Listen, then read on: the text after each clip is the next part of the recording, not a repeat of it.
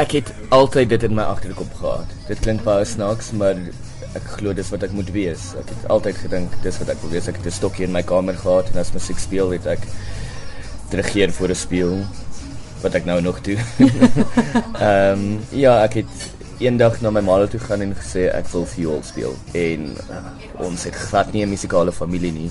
My wag, my pa het 'n bietjie op gehoor klavier gespeel en so aan en hulle was net uit die veld uit gestaan dat die uh 12-jarige seun wil begin viool speel en hulle weet glad nie hoekom nie want so, ons het ek bedoel waar ek vandaan kom niemand om ons het sulke goed gedoen ook nie. So hulle was 'n bietjie die veld geslaan en toe het hulle gesê oké okay, kom ons kyk wat ons kan doen maar ons dink dit is baie moeilik so ons weet nie of jy dit gaan regkry nie.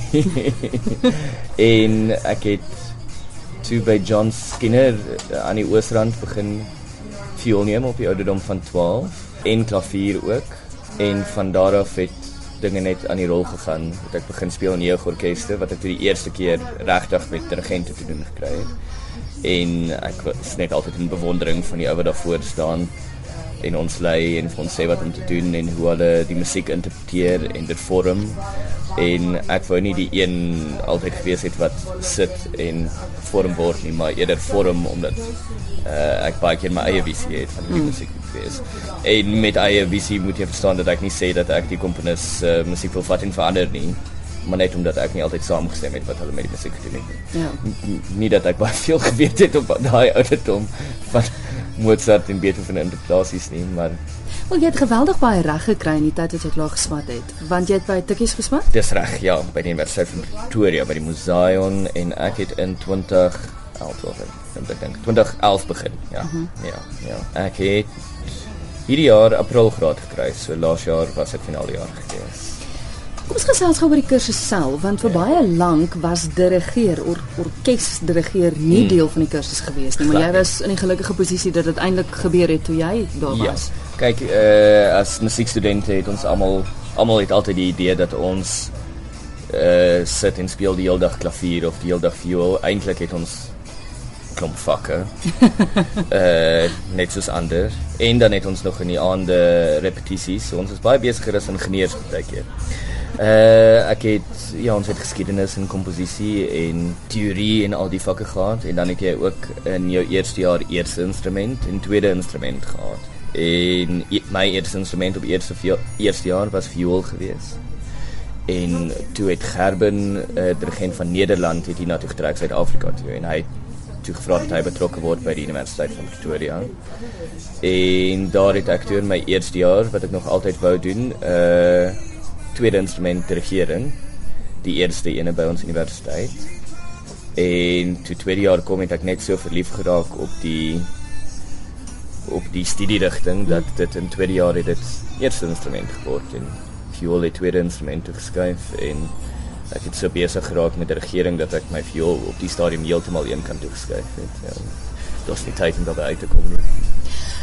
Kom ons praat gou oor Gerben want soos ek in agterkom het hy 'n ongelooflike groot rol gespeel. Mm, mm, definitief Gerben kom van Nederland af.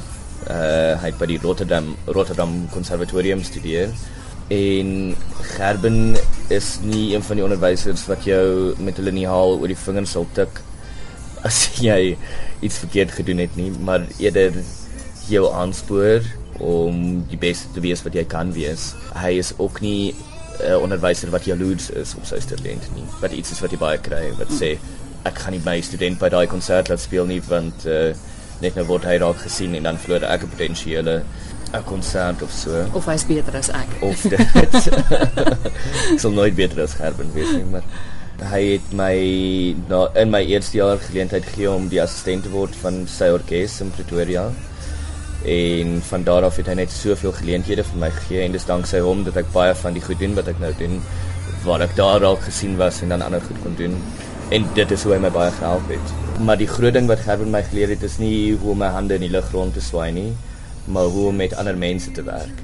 En en dis 'n belangrike ding in die regering. Ek bedoel, ons speel orkes van 60 mense waar gewone musisies speel 'n instrument wat hulle sê wat om te doen en hy luister. En as ons vir die orkes bloot sou sê wat om te doen soos 'n instrument, uh dit sou nie altyd heeltemal werk nie want die orkes het emosies. Elke individu in die orkes het emosie. Ehm um, so jy moet op 'n baie mooi manier hulle manipuleer uh om te doen wat jy wil hê. En baie keer groei jy in die orkes saam, maar so menseverhoudinge is baie belangrik as dirigent. Jy het 'n interessante ding vir my genoem dat baie maal die mense wat die instrumente bespeel is baie soos die instrumente. Ja, ja. Ek dink ek dink baie keer dis hoekom mense ophou uh as hulle op 6 jaar met 'n instrument begin het, ophou speel op 9 is omdat hulle nooit die regte instrument gespeel het nie. Ja, koperblasers in die orkes is altyd baie luid. Net soos hulle instrumente, want die, want die trompet skree altyd uit, so hulle het gewoonlik ook 'n blikkie bier onder hulle staande en al die oefeninge en hulle kuier. Ja, koperblasers is altyd bekend vir kuier. Ja. Celliste is weer baie liefdevolle mense. Soos wat hulle hulle instrument vashou. Ja, dit daai liefde nodig. En jy kan luister na musiek wat vir cello geskryf word. Dis baie ja. romantiese musiek. Ja, ja, is reg. So soos wat jy uh, met individue sou werk by 'n partytjie, sê nou maar, so moet jy met 'n orkes met eers met jou seksies begin werk en sê, okay, daai seksie moet ek so hanteer en dan het jy nou weer jou individue in die seksie wat jy op hulle eie manier moet hanteer en hulle verskillende persoonlikhede. Ek wil gerwe net my geleer van jou persoonlikheidstipes, nee, uh, wat jy met kleure identifiseer. So rooi persoonlikheid of geel of groen of blou, dis die vier tipes. Ehm um, maar dis nou 'n baie diep filosofie om daarin te gaan oor wat elkeen presies beteken. Maar dit help jou mense te in 'n blokkie te plaas. Nie dat ek glo almal kan eintlik in 'n blok geplaas word maar dit help jou om om hulle in 'n blok te plaas sodat jy weet hoe om met hulle te werk. Ja. ja. Soos ek genoem het, jou naam is in elke liewe persvrystelling wat ek kry, is is daar spesifieke orkeste en kore waarby jy betrokke is of Ja. Ek is op die oomblik assistent vir Gerben by uh mhm. -huh. die Pretoria Symphony Orkees. En ek vat in September oor daar as hulle as hulle hoofdirigent en dan is ek by Sempre Opera, uh die opera geselskap in Pretoria betrokke. Ek sal dit regent. Uh en dan is ek by die Harmonia Kamerkoor. Ek sal dit regent. Uh en dan was ek die Universiteit van Pretoria se interim dirigent en ek's nou hulle assistent ook. Ek bestuur die Gauteng Filharmonie en dan dirigeer ek gereeld die by die Brooklyn Theater die Salon Musiek Ensemble en sien dan net Carmen klaar gemaak. Ehm um, so dis waar ek permanent betrokke is en dan het ek produksies met Madame Butterfly by Rodepoort Theater in Bigwig Opera en ek vlieg oor 'n week stel in Boschstreek en baie uit bietjie by die see. Uh nie dat ek die see gaan sien nie want ons gaan se besig te wees. maar dan saam met die Composers National Collegium in Jean Seidel Rudolph, die bekende Suid-Afrikaanse komponis ehm um, dirigeer ons dirigeer ek nuwe komposisies van uh, meesters en doktorale studente en 'n uh, eh, nuwe komposisie van professor Rosenskoon uh, eh, wat hy is by die Universiteit van Stellenbosch uh, komposisie lektor daar so, so baie uitdaging. Net om na jou te luister maak my moeg. Skalk, jy's nog baie jonk is 24. Ja. Nou daar's niks fout daarmee om so jonk so naam te maak nie, maar jy sê jy het nou baard laat groei sodat mense jou bietjie ernstiger raak. Ja, want anders dink as ek my baard afskeer ek lyk like 16. So.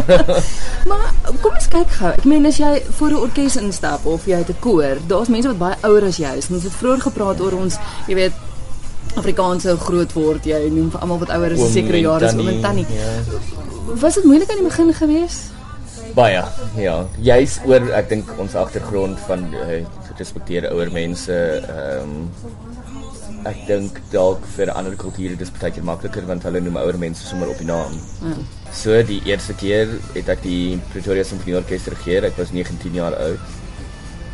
En daar is ou Duitse ooms en tannies van 60, 70. En hier moet ek daar staan en vir hulle sê wat om te doen bedoel dis dit het vir my so verkeerde kant om gevoel. Ek het 'n paar keer gedink oh, ek moet hulle vra wat moet ek hier so doen? Maar jy verloor ek sou dadelik autoriteit verloor ja. jy kan dit nie doen nie want hoe hoe verwag hulle dat jy hulle moet lei as jy hulle vra wat om te doen? So maar na 'n jaar van dit elke aand doen het jy begin gewoond raak daaraan maar ek dink nie mense sal sommer ooit gewoond raak daaraan nie.